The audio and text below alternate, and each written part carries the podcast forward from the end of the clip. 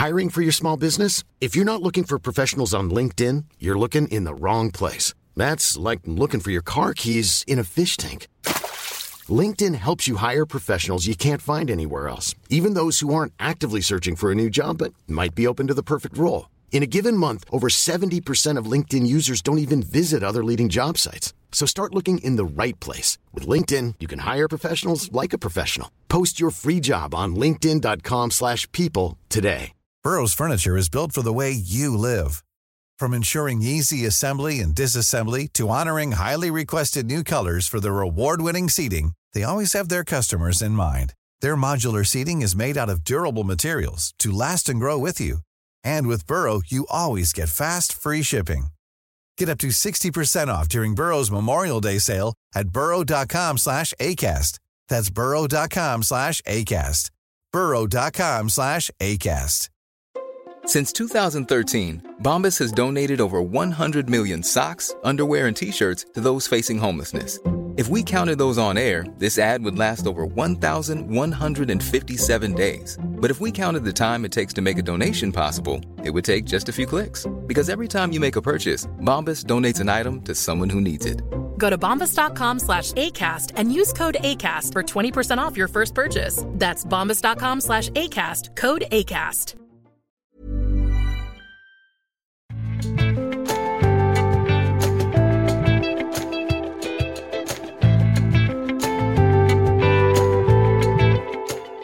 I denne ukens episode av Tore og Tarjei sitter Tore Hjalmar Sævik og meg sjøl, Tarjei Gilje, på kontoret på Danmarksplass i Bergen. Og via Zoom så har vi med oss Jorunn Halleråker Heggelund, som denne uken, eller forrige uke var det vel faktisk, begynte som generalsekretær i Kristne Friskolers Forbund. Hjertelig velkommen, Jorunn. Tusen takk for det. Du advarte oss på forhånd mot at det er kanskje litt, litt sånn romklang på kontoret ditt, for du har ikke rukket å fylle det med bøker og kunstverk og alle mulige effekter man har på et kontor. Vi har vel en del her vi kan sende hvis Vi har sånn Jeg har bokhylle en på, god del dere kan sikkert overleve. Nei da. Jeg har noen bøker her, da. Det har jeg. Ja. Og noen ringpenner. Men mye er jo digitalt for tida, så Det er sant, det. det er sant det. Så man må egentlig ha litt sånn mer tepper og puter på kontoret for å, for å ha- den samme funksjonen. det er det vi har prøvd, i hvert fall. Å ikke lage så mye gjenklang. Riktig. Uh, en liten uke ute i dag. Hvilke forventninger har du til den jobben du har begynt i, hva er det du er mest uh, spent på?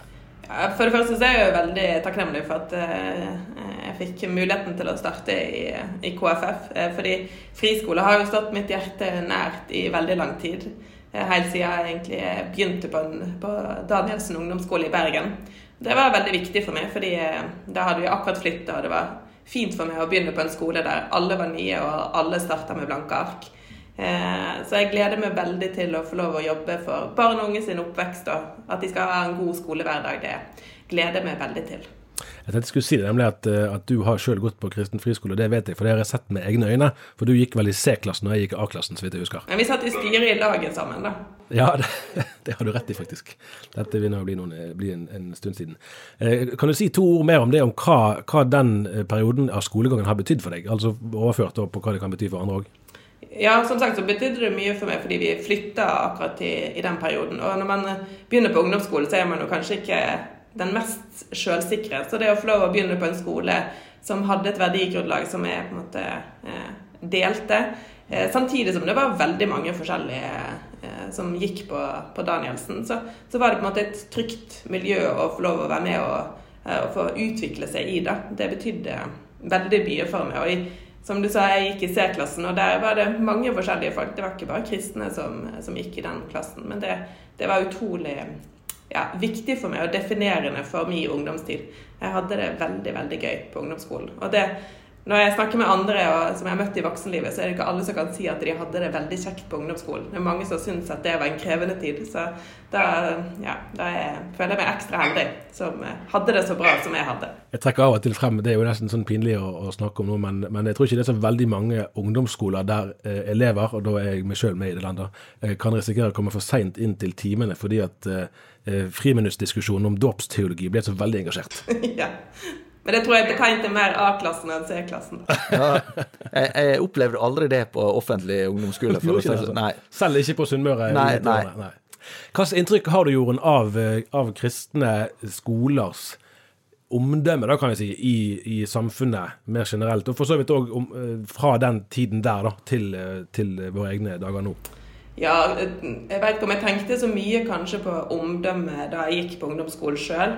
Men som sagt så var det jo folk med veldig ulik bakgrunn som begynte på Danielsen. Og det tenker jeg at det betyr at omdømme, de hadde et godt omdømme.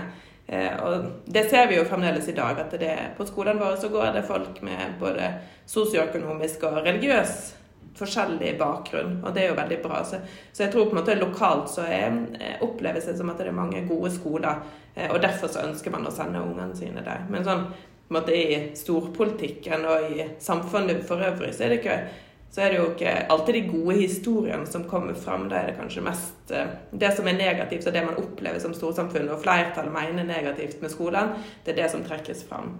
Men eh, det drives jo utrolig mye bra arbeid på de ulike skolene. Blant annet så er det nettopp en skole som, eh, som tar imot 23 ukrainske barn som er på flukt, som kommer til Norge, som de tar imot inn på sin skole uten noen garanti om at de kommer til å få penger og tilskudd og kan på en måte dekke opp fra offentlige midler på det. Men det gjør de fordi de opplever at det er viktig, og de tar på en måte samfunnsoppdraget sitt på alvor. sånn at ne, Det er ikke sikkert at alle de gode historiene kommer ut, og at man faktisk skjønner hva eh, friskole faktisk betyr. og det, det tenker jeg at det er noe av min oppgave som eh, ny generalsekretær. Være med å på en måte nyansere det bildet som, som i hvert fall i politiske miljøer eh, preger debatten rundt friskoler. Nettopp. For Vi gjør opptaket på torsdag, og i morgen fredag da skal regjeringen holde pressekonferanse om nye regler for private barnehager og det de kaller for private skoler. Eh, og Der vil jeg bare begynne med selve begrepet. for her, Det er jo ikke tilfeldig det at de kaller det for private skoler. og Det har vært et sånn skifte frem og tilbake mellom ulike regjeringer om man kaller det friskoler eller private skoler. Eh, og, der, og der, er jo, der, er jo, noen skoler som helt reelt er private, mens de, de, disse som du er leder for, de er jo uh, i all hovedsak offentlig finansiert, så de er jo ikke helt private. Hvordan oppfatter du det at, at dette begrepet i seg sjøl blir så, så, viktig å skifte, da? Ja, Det opplevdes litt sånn rart for vår del. fordi eh, altså, Våre skoler er jo på en måte godkjent at det er lov om frittstående skoler. Som vil si at de er et alternativ til offentlig skole. Våre skoler de Eh, vi får tilskudd. De er offentlig godkjente, og, og eh, altså læreplanene må òg være godkjente av myndighetene. Sånn at eh, måte, vi, er ikke, vi, er ikke, rent private skoler. Som du sier, det finnes private skoler som er per definisjon private. Eh, og så er det jo sånn Privat så assosieres det veldig mye, i hvert fall i den velferdsdebatten som går nå med på en måte utbytte. Eh, og da, våre skoler kan ikke ta utbytte. Det er ikke lov Eh, etter loven. Men det er heller ikke noe som våre friskoler ønsker å gjøre.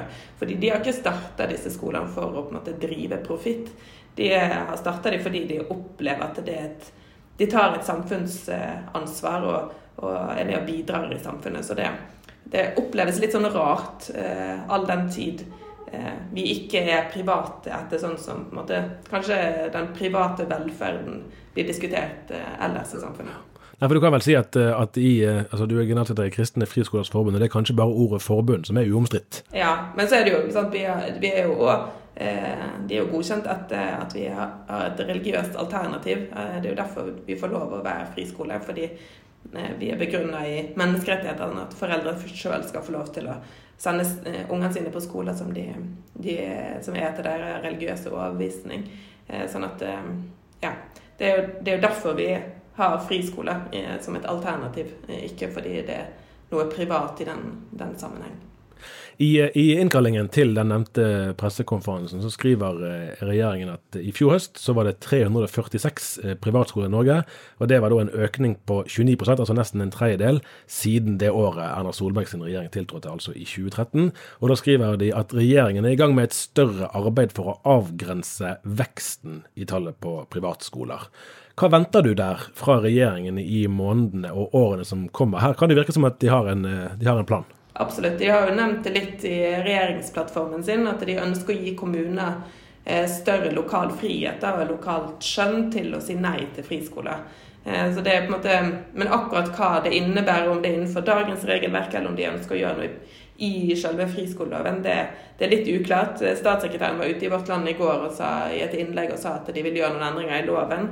Eh, så det, det kan jo være et signal om at de ønsker å gjøre det enda mer ja, gi kommunene større frihet til å si nei. Men, men det er jo allerede i dag så, så, ligger det jo en begrensning i friskoleloven eh, der man må på en måte se helheten. Eh, så det er ikke sånn at det er fritt fram. Det er allerede noen begrenser i dagens lov.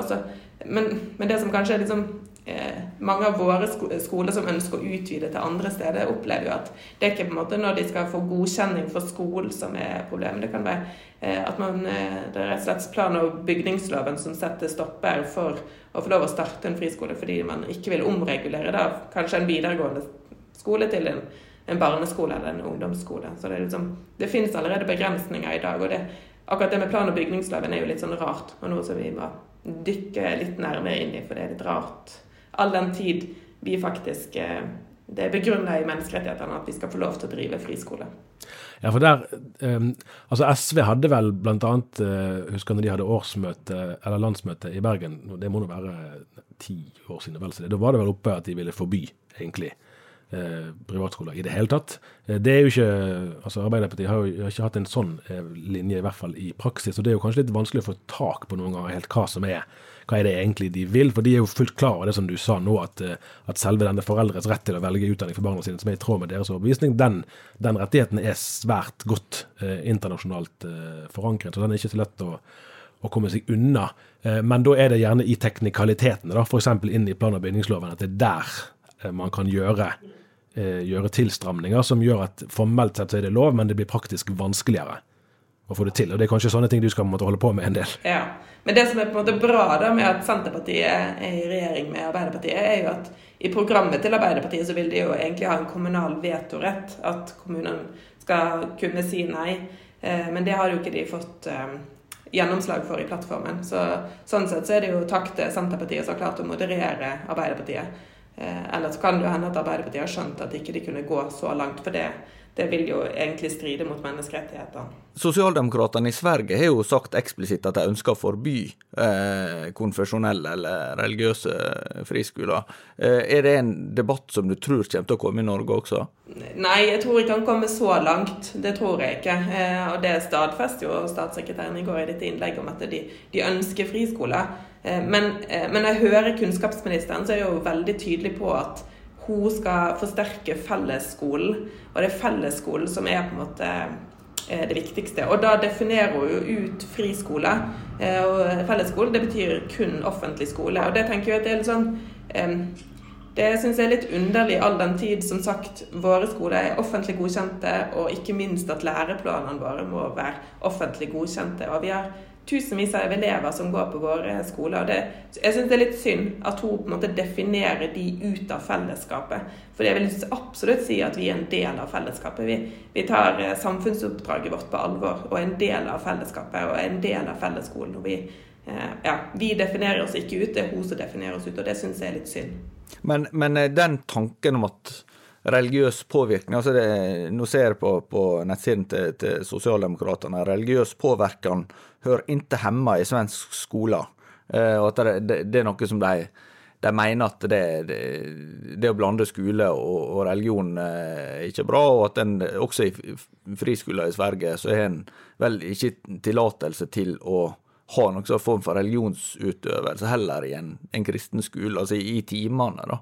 Men, men er, det sånn så du tenker at det er, er enighet om i Norge at det er, eh, det er ikke noe problem? Altså, jeg, jeg vet, altså sånn, Hvis de skulle få velge helt sjøl, så tror jeg faktisk at de vil på en måte stramme inn så mye som de vil. Arbeiderpartiet vil jo som sagt ha denne vetoretten til kommunene. Men, men, jeg tror ikke at det blir altså Vi har jo hatt rød-grønt styre før, og har, da har vi òg hatt eh, friskoler på, på religiøst eh, grunnlag så, med kristne fri, fri, eh, friskoler. Så det, jeg tror ikke at det at vi kommer så langt i Norge. Men så har vi jo en mindretallsregjering. Arbeiderpartiet og Senterpartiet sitter i mindretall. Så jokeren her er jo på en måte SV, som de skal inngå forlik med og samarbeid med. Og spørsmålet er jo på en måte hvor langt SV vil gå. Men, men samtidig så, så tror, jeg tror ikke de kommer til å gjøre noe som strider mot menneskerettighetene. Men at de vil på en måte gjøre det vanskeligere å opprette, det tror jeg. Men eh, ikke det å drive friskoler. Torald og meg var jo på, på Tau Eh, nå glemmer jeg om det var i fjor eller i forfjor. Ja, Men vi må også si at det er i Rogaland. Nei, kanskje- vi skulle komme til ja, okay. det. Eh, Tau er altså i, det er nettopp det, det er i Rogaland. eh, Og der har jo Tryggheim, som er en av de største og det aktørene i, i det kristne friskolen Norge, har en skole der. Eh, og Vi snakket med rektor Brynhild eh, Samuelsen. og hun Eh, hun vurderte det sånn at sammensetningen av elevmassen på den skolen egentlig var ganske parallell med sammensetningen av elevmassen på den offentlige skolen som lå liksom rett borti veien. At det er en, naturligvis en forskjell på, på, hvem som jobber på skolene, hva de eh, står for, hva skolen står for, men at det var, det var ingen, ikke noe saklig grunnlag for å hevde at her var det på en måte en menighetsskole. da. Eh, og og det, Jeg regner med at du vil være enig i, i den eh, beskrivelsen, men i hvilken grad, eh, så langt du kjenner til det da, etter seks dager, eh, du kjenner til det fra før av naturligvis, eh, er det saksvarende å si at disse skolene er faktisk ikke eh, skoler som trekker folk unna storsamfunnet? Ja, absolutt. Det er absolutt min erfaring. og eh, når jeg snakker eh, med folk som jobber på disse skolene, så er det jo bak, det er veldig stor forskjell i bakgrunnen til de som går der. Og det tenker jeg at det er veldig bra. For det er, det er mange som trenger en ny start, f.eks. De har kanskje opplevd eh, mobbing på sin eh, skole og trenger på en måte å, å skifte miljø. Og da er det veldig, veldig bra at vi har alternativ, sånn at disse barna kan komme i et miljø der de de kan få lov å utvikle seg på, på en god og trygg måte. Sånn at eh, det, det er liksom Jeg blir veldig sånn ja, litt sånn forfjamsa, kanskje, over hvordan enkelte på venstresida i norsk politikk eh, snakker om de eh, skolene, og da i realiteten egentlig snakker om de elevene som går der. fordi eh, om det er mange kristne eller om det er muslimer som går der, eller hvem som går der, så er det jo så er det et fellesskap. Og de et, har et fellesskap på skolen sin, men de er òg definitivt en del av storfellesskapet.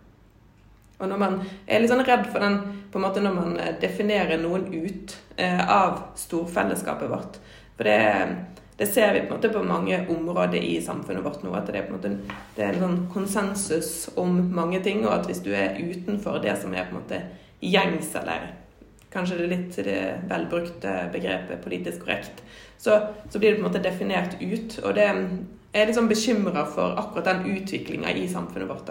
Fordi vi har alle en rett til å være her og være en del av fellesskapet. Og så kan vi være uenige og kritiske, og vi kan på en måte argumentere mot, men, eh, men at vi alle er en del av fellesskapet, det, det, det tenker jeg at det er veldig viktig. Akkurat.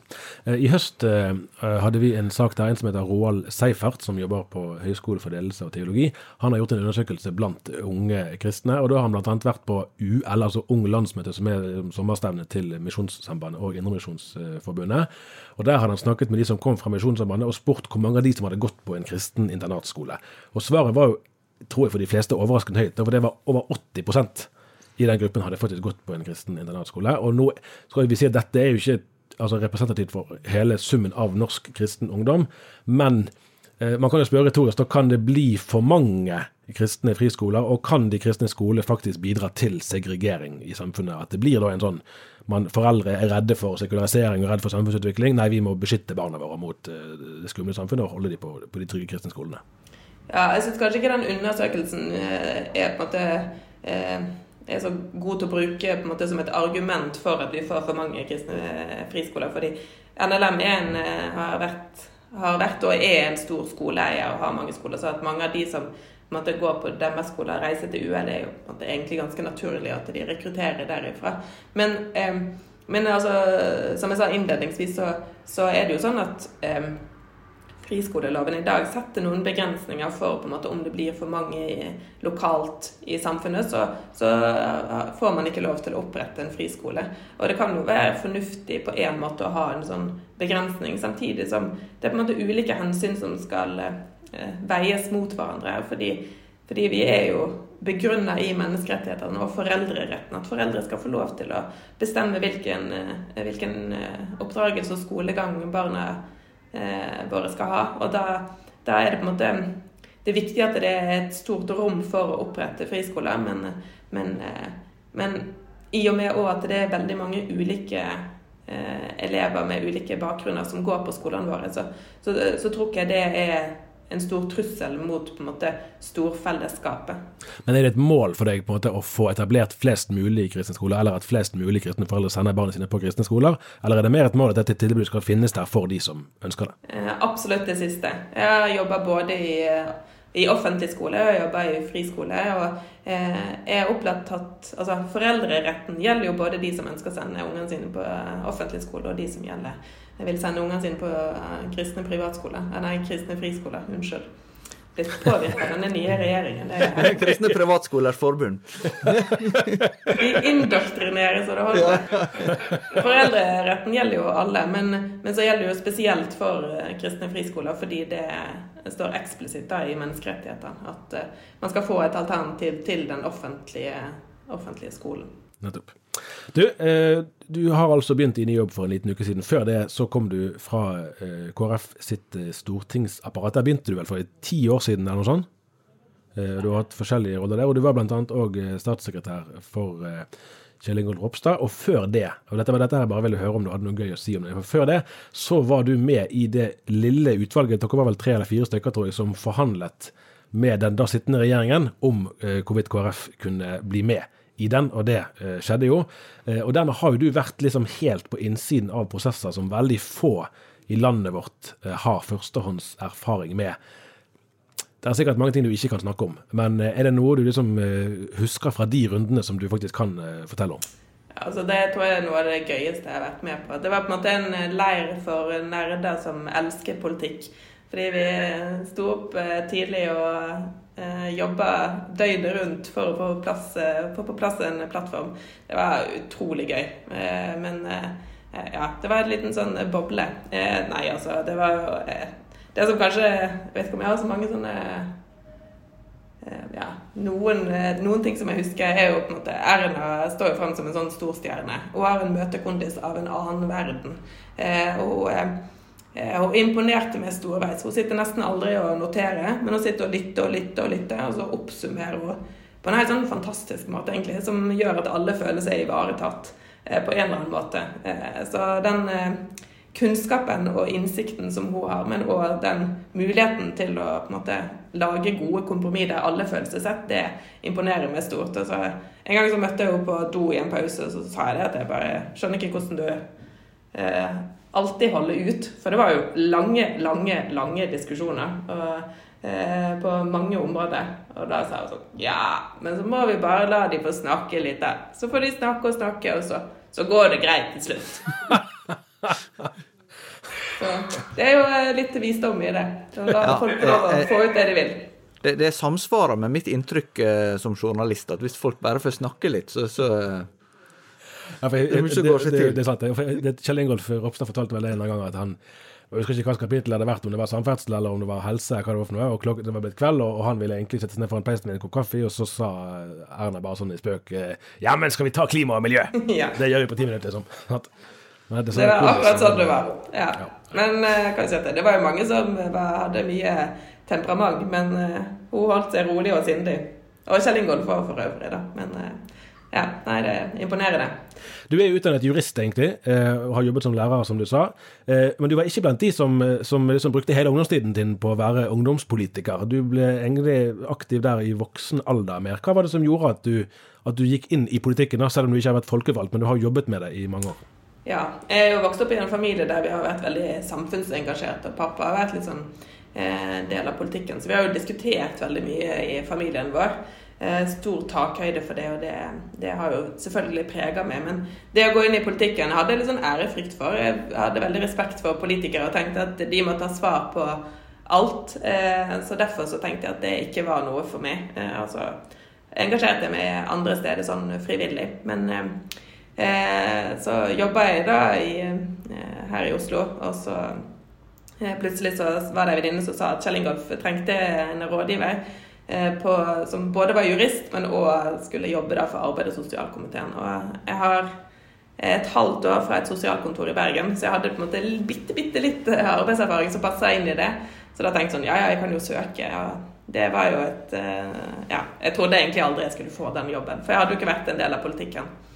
Men det var At jeg fikk den jobben, syns jeg var utrolig stas. Og det er kanskje ja, jeg føler meg veldig heldig som har fått lov å jobbe på Stortinget for KrF. og eh, fått vært med på utrolig mye gøy og spennende. Med, med regjeringsforhandlinger, det er jo selvfølgelig sant, på det mest intense, der man virkelig liksom skal kjøpslå, og du får det og jeg får det, og sånn og sånn. Eh, og hverdagen på Stortinget er ganske opplagt mindre intens og mindre dramatisk, men det er jo i prinsippet eh, mye av det samme man gjør. At man prøver å finne løsninger og se hvor man kan finne sammen, og, og eventuelt markere avstand der man, der man skal det. Hva har på en måte imponert og skuffet deg over å se det politiske håndverket bli utøvd?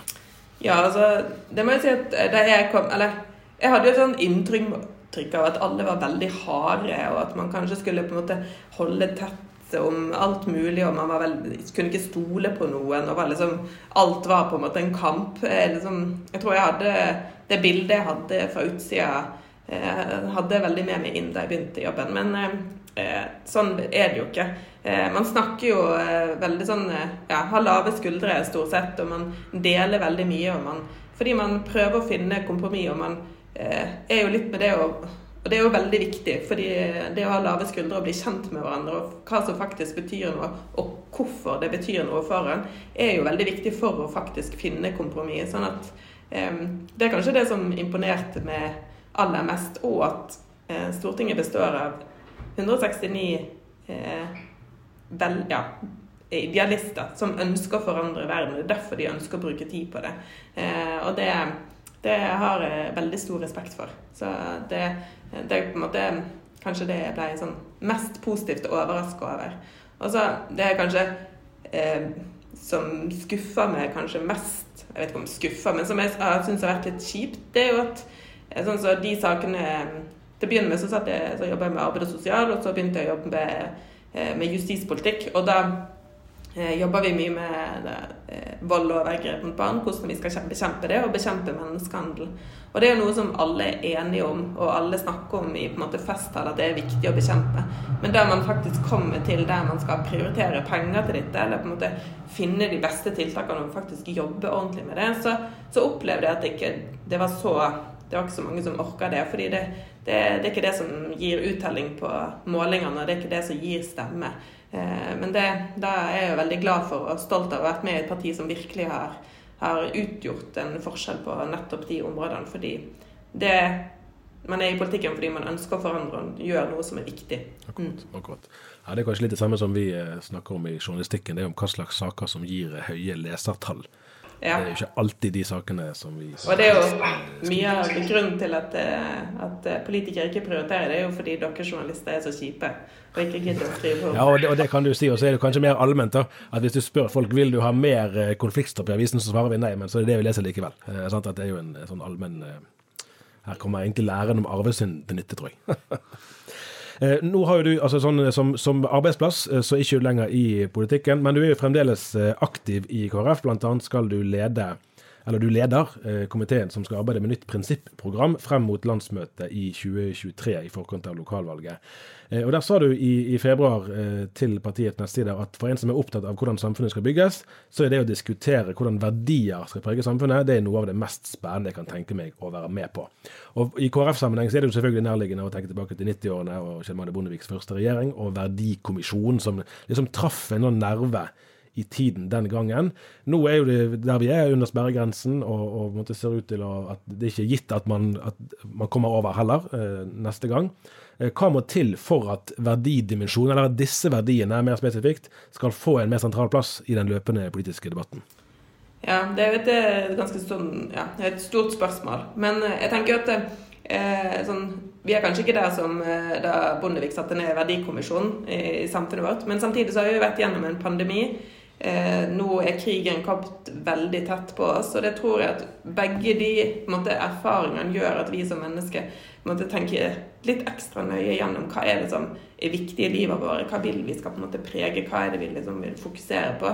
Eh, og det tenker jeg at eh, Som politiker så har man et ekstra ansvar for på en måte, av og til seg ned og tenke sånn OK, det er alltid noe som påvirker samfunnet, og hva verdier vil vi at skal være med og påvirke. Og jeg tenker at erfaringer fra pandemien er jo på en måte at staten klarte absolutt ikke å løse alle utfordringene som vi eh, som samfunnsborgere opplevde, men heller ikke markedet. sånn at på en måte KrF har en sånn unik posisjon i sentrum og liksom eh, tankegangen om at samfunnet bygges nedenfra, og at de nære fellesskapene er ekstremt viktige for at vi som mennesker skal få lov til å utvikle oss, få lov til å ha det trygt og godt, og få lov å på en måte eh, ja, eh, sammen sånn, ja, Fellesskapene er veldig viktige. da, Og det å på en måte være med å underbygge dem og eh, legge til rette for at ikke bare i familien, men i lokalsamfunnene, der vi er, der vi bor, der vi jobber, at de eh, de skal på en måte være med og prege samfunnet vårt. Jeg tenker at det er veldig viktig. Og så er ikke det noe som er på en måte sånn,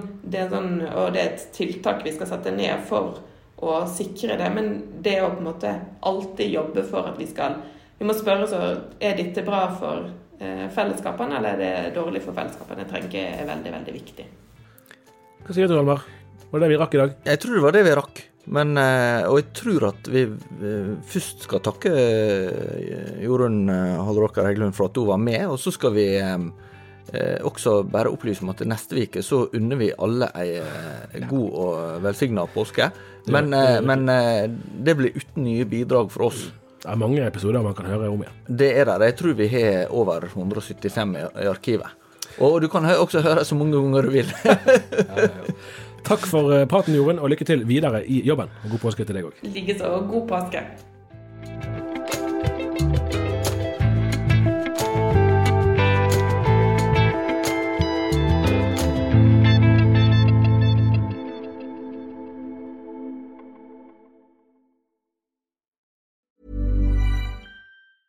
Normally, being a little extra might be a bit much, but not when it comes to healthcare. That's why United Healthcare's Health Protector Guard fixed indemnity insurance plans, underwritten by Golden Rule Insurance Company, supplement your primary plan so you manage out of pocket costs. Learn more at uh1.com. Imagine the softest sheets you've ever felt. Now imagine them getting even softer over time. That's what you'll feel with Bowl and Branch's organic cotton sheets. In a recent customer survey, 96% replied that Bowl and Branch sheets get softer with every wash. Start getting your best night's sleep in these sheets that get softer and softer for years to come. Try their sheets with a 30-night guarantee. Plus, get 15% off your first order at bowlandbranch.com. Code BUTTERY. Exclusions apply. See site for details.